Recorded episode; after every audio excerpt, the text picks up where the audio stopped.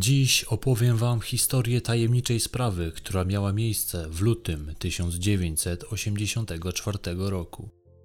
Okoliczności, jakie jej towarzyszyły, były bardzo tajemnicze. Milicja niespecjalnie przykładała się do wyjaśnienia przyczyny śmierci 34-letniego mężczyzny. Zapraszam na podcast Mrożące Krew. Rodzina Bartoszcze miała długie tradycje chłopskie. Jej członkowie opowiadali się zdecydowanie przeciw komunistycznej władzy w Polsce. Ojciec Michał i synowie Roman i Piotr należeli do opozycji. Brali udział w głodówkach w proteście przeciwko zamykaniu za kratami więźniów politycznych. Michał urodził się w roku 1913. Starszy syn, Roman, urodzony był w roku 1946. Młodszy Piotr w 1950. Michał, jako lider legalnego zrzeszenia kółek rolniczych, w 1984 roku wziął udział w wiedeńskiej konferencji Międzynarodowej Organizacji Pracy. Ważnym dla niego było ukazanie opinii publicznej z zachodniej Europy terroru, jaki miał miejsce w Polskiej Republice Ludowej. Tego samego roku dostał propozycję nie do odrzucenia. Zaproponowano mu, by stanął na czele prorządowego ruchu chłopskiego. Z racji zupełnie odmiennych poglądów na politykę zarządzania państwem, Michał nie zgodził się. Władza nie miała zamiaru puścić mu płazem tej niesubordynacji. Zadzwonił do niego jeden z urzędników i zasugerował, że będzie tej decyzji żałował. Powiedział, że wkrótce płakać będzie jego żona i cała rodzina. Starszy z synów był typem człowieka, który dąży do celu, nie zważając na przeciwności. Bardzo angażował się politycznie, co nie odpowiadało ówczesnej władzy. Stał się niewygodny. Został uznany za osobę niebezpieczną dla rządzących. Z tego też powodu służba bezpieczeństwa robiła wszystko, by go rozpracować i sprawić, by przestał być zagrożeniem. Utworzono wówczas operację o kryptonimie Uzdrowiciel. Polegała ona na inwigilowaniu Romana i jego rodziny. SB musiała wiedzieć wszystko, z kim, kiedy i w jakim celu się spotykają. Roman miał wysokie aspiracje. Był on pierwszym prezesem Polskiego Stronnictwa Ludowego. W roku 1990 wziął udział w wyborach na prezydenta kraju. Zajął w wyborach szóste miejsce, a prezydentem został wówczas Lech Wałęsa. Zupełnie w cieniu starszego brata pozostawał Piotr. Był cichy, miły i spokojny. Nie miał on tak wysokich aspiracji jak Roman. Pod koniec 1983 roku na gospodarstwie Michała Bartoszcze doszło do przeszukania. Funkcjonariusze dostali polecenie, by znaleźć coś, co może obciążać gospodarza. Znaleźli egzemplarze podziemnych gazet, których posiadanie było zabronione. Michał został zmuszony do przyznania się do posiadania owych gazet. W innym przypadku zagrożono mu aresztowaniem jego synów. Po tym przyznaniu się ówczesna propaganda ogłosiła szumnie, że opozycjonista Bartoszcze poszedł na współpracę z władzą. W 1984 roku Piotr Bartoszcze miał 34 lata. Mieszkali razem z żoną Wiesławą i trójką dzieci oraz z rodzicami Piotra. 7 lutego tegoż roku na gospodarstwie w domu, w którym mieszkali, pojawiło się trzech mężczyzn. Byli oni zainteresowani zakupem nutri. Do zakupu jednak nie doszło. Piotr rozpoznał w jednym z nich agenta SB. Czy to mógł być przypadek? A może ich wizyta miała całkiem inny cel, a nutrie były jedynie przykrywką. W świetle wydarzeń, o których wam zaraz opowiem, wydaje się być to całkiem prawdopodobne. W godzinach wieczornych Piotr wyjechał autem z domu. Najpierw wskoczył na chwilę do sąsiada. Gdy wyszedł od niego, udał się do starszego brata. Były to jakieś dwa kilometry od ich domu rodzinnego. Tam obejrzeli razem dziennik, a Piotr spędził trochę czasu z dziećmi Romana. Zrobiło się późno. Dochodziła godzina dziesiąta wieczorem.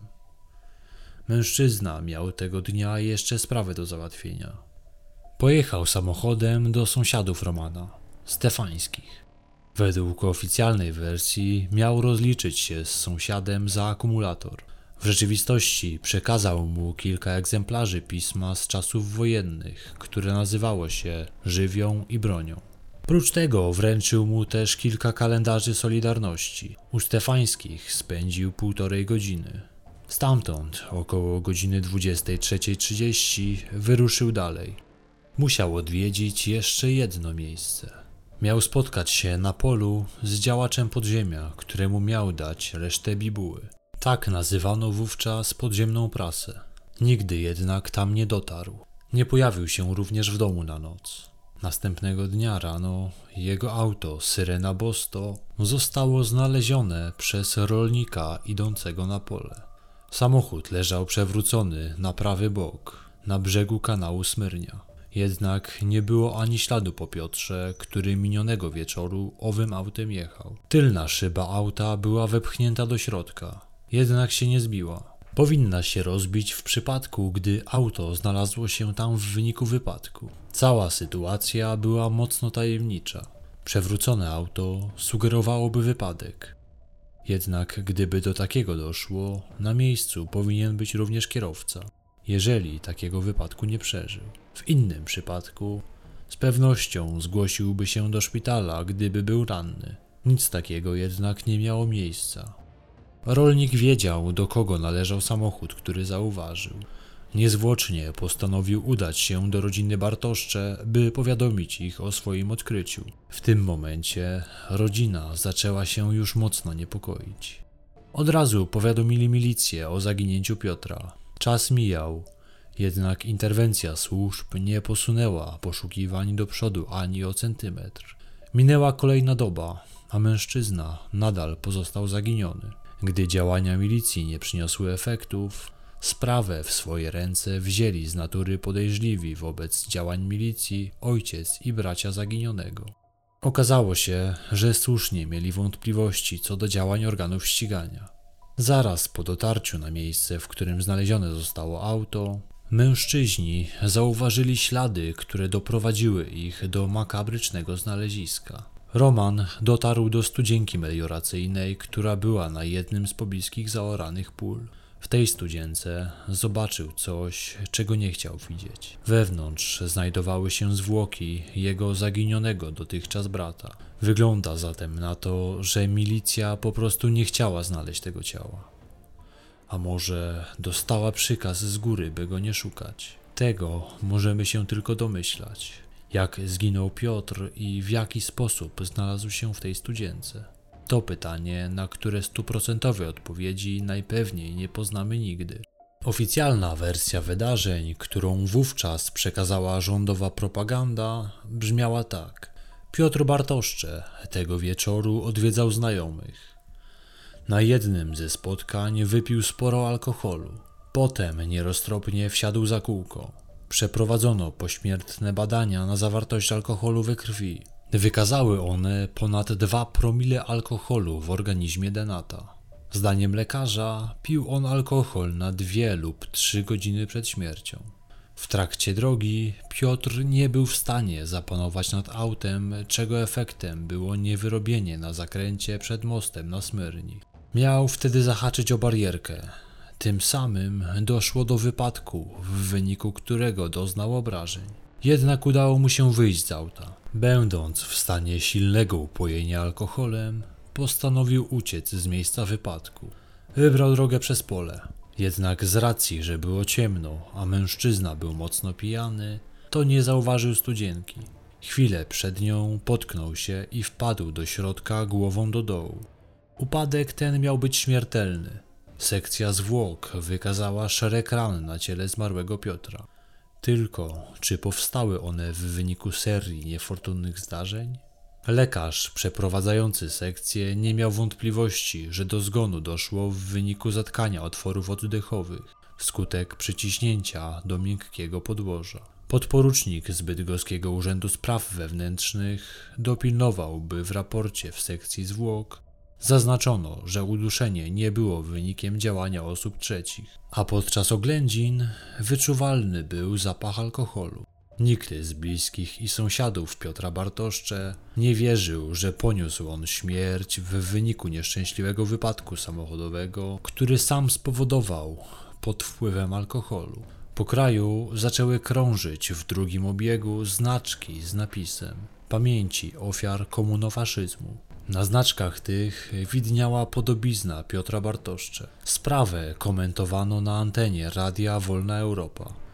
Ustalenia, choćby dotyczące zawartości alkoholu we krwi, nie zgadzają się z zeznaniami złożonymi przez świadków, którzy widzieli się z mężczyzną niedługo przed jego śmiercią.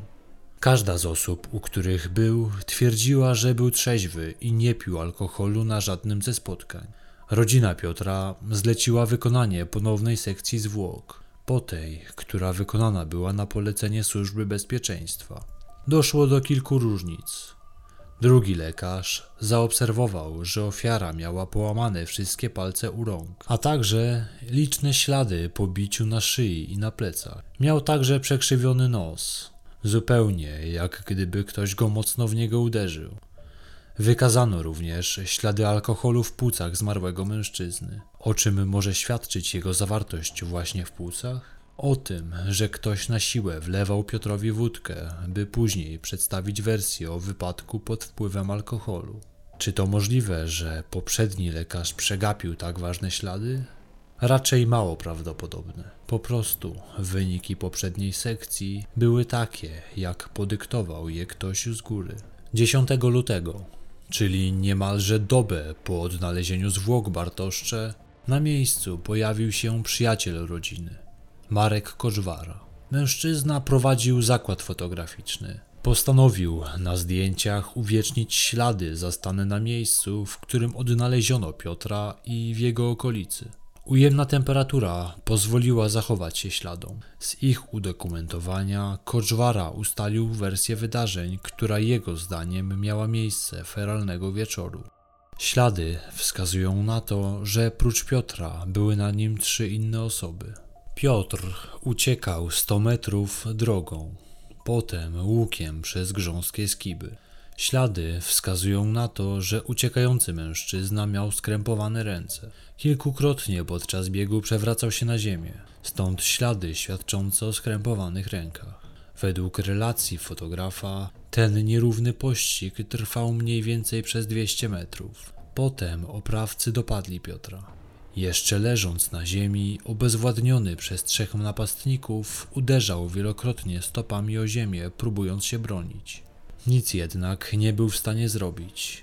Do takich wniosków można dojść po obejrzeniu butów, które miał na sobie w momencie śmierci. Były one mocno ubłocone na piętach i powyżej. W trakcie tej szamotaniny najwyraźniej Piotr dokonał żywota. Jak do tego doszło? Być może został mu odcięty dopływ tlenu, może wstrzyknięto mu jakąś truciznę. Sekcja zwłok nie wskazywała na truciznę.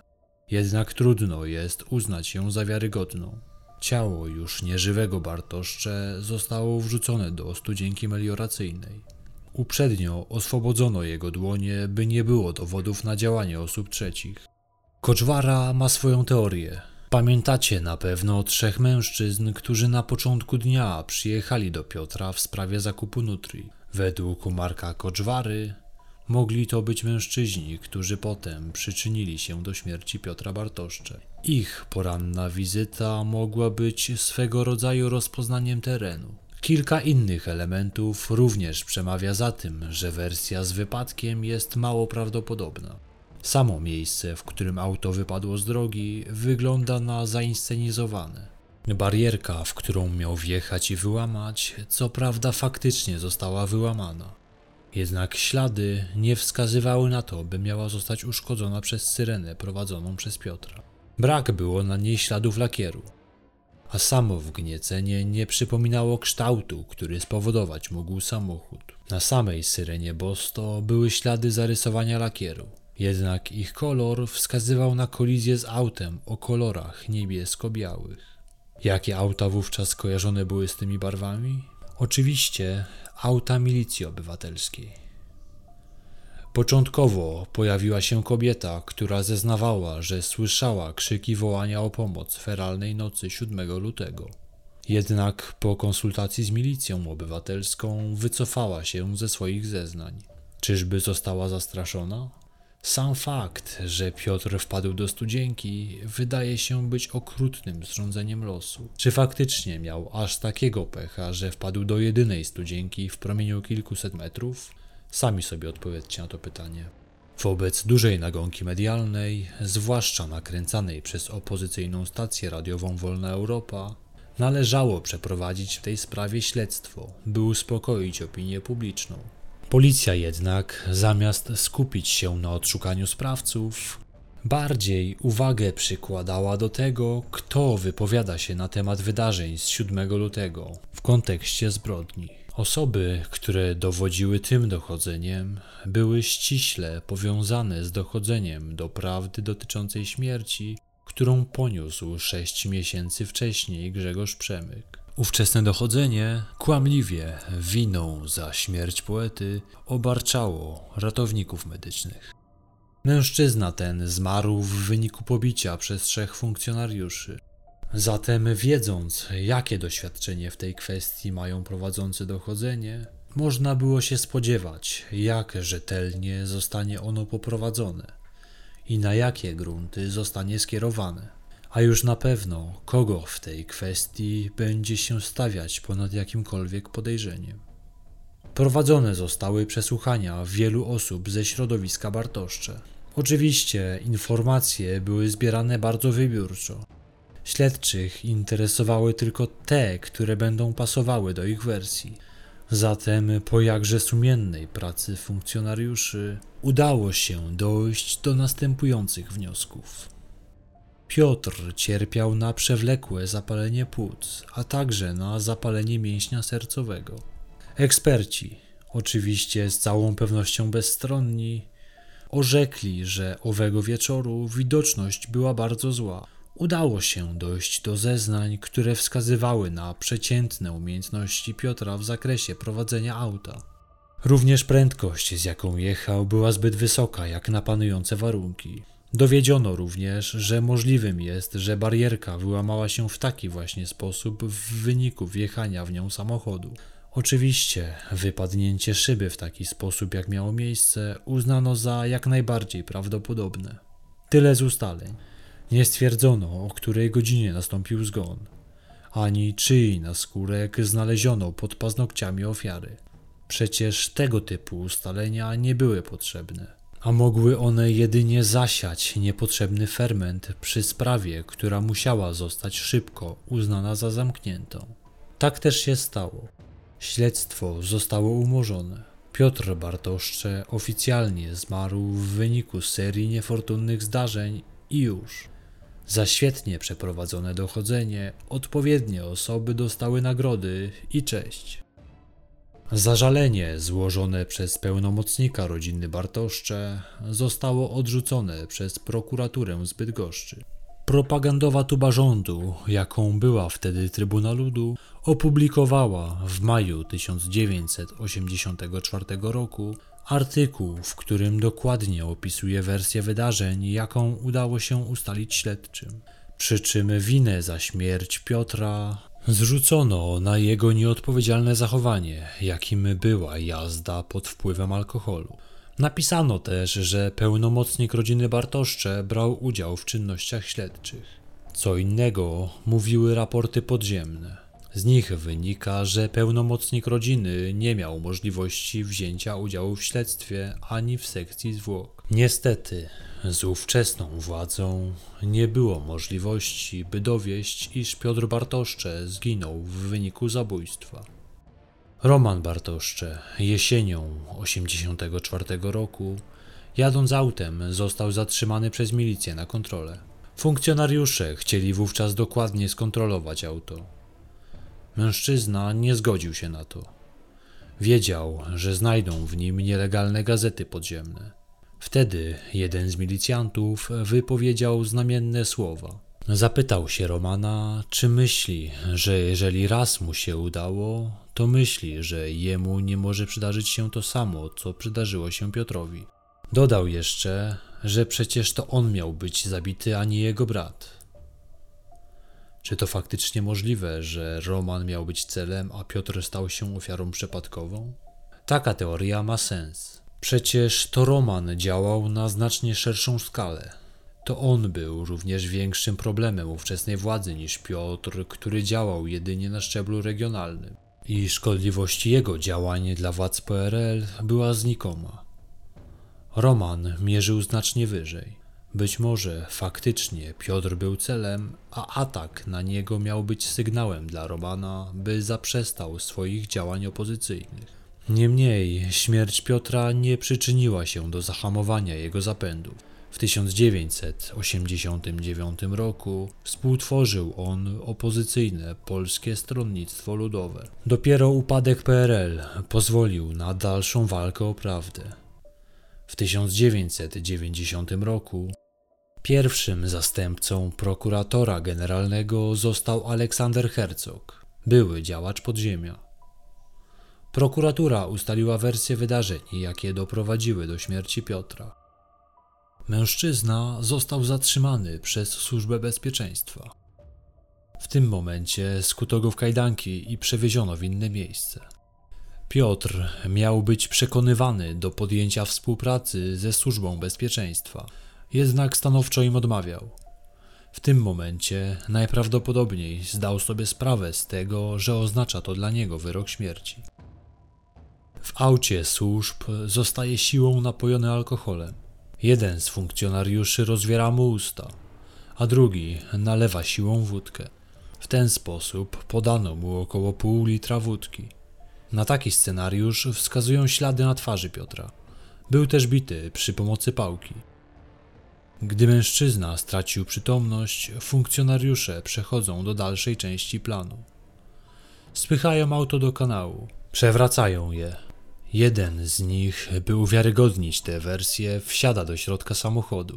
Otwiera znajdującą się wewnątrz apteczkę, by upozorować próbę opatrzenia ran przez Piotra zaraz po wypadku. Wypycha tylną szybę, sugerując, że przez nią wyszedł Bartoszcze. Tutaj jednak w pośpiechu popełniony został błąd. Szyba ubrudzona była od błota, jednak finalnie została przełożona do wewnątrz auta. Mało prawdopodobne, by ranny, pijany mężczyzna odłożył szybę w taki sposób. Najpewniej zostawiłby ją leżącą w błocie. Następnie pijany Bartoszcze został wyciągnięty za włosy z auta służb. O tym świadczą nienaturalnie rozczochrane włosy mężczyzny w momencie, gdy zmarł. Potem miał zostać uduszony i wrzucony do studzienki. Istnieje również hipoteza, która zakłada, że Piotr nie miał tego dnia zginąć. Miał być nastraszony i skompromitowany. Funkcjonariusze chcieli go zastraszyć, by dać mu znać, że ma zaprzestać działalności szkodzącej obecnej władzy. Miał być też to znak dla jego brata. Został upojony alkoholem, pobity, a następnie wrzucony do studzienki. Sprawcy mieliby w myśl tej teorii oczekiwać, że mężczyzna rano obudzi się z kacem i poczuciem upokorzenia. Nie przewidzieli, że Piotr nie przeżyje tej nocy. Czy taki scenariusz mógł mieć miejsce? Sądzę, że jest to prawdopodobne. Bardzo ciekawą relację zdał Ignacy Ginter. W latach 1989-1991 zadzwoniła do mnie nieznajoma pani, prosząc mnie o pilne i poufne spotkanie w sprawie śmierci Piotra Bartoszcze. Umówiłem się z nią w biurze. Powiadomiłem prokuraturę w Chojnicach. Ta jednak nie chciała podjąć żadnego działania, twierdząc, że prokuraturą, która prowadzi sprawę, jest Bydgoszcz. W umówionym z bydgoską prokuraturą dniu wyjechałem prywatnym samochodem po panią na stację PKP.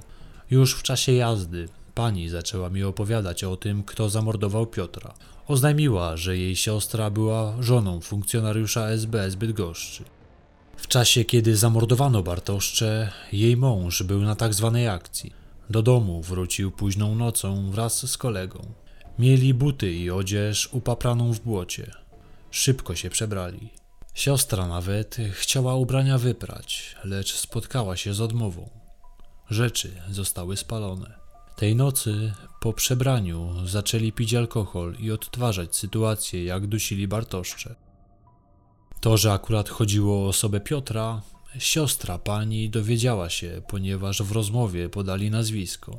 Treścią nocnej rozmowy siostra podzieliła się z panią. Po jakimś czasie siostra ta zginęła tragicznie w podejrzanych okolicznościach. Rodzinie sugerowano samobójstwo lub nieszczęśliwy wypadek. Pani, moja rozmówczyni, kategorycznie stwierdziła, że jej siostra została zamordowana. W trakcie rozmowy z panią do mojego biura przyjechało dwóch pracowników prokuratury w Bydgoszczy. Pani wraz z prokuratorami przeszła do przygotowanego specjalnie pomieszczenia w celu złożenia stosownego zeznania. Mając świadomość dopełnienia obowiązku powiadomienia organów ścigania, dalej już tą sprawą się nie interesowałem, licząc na wdrożenie profesjonalnej procedury.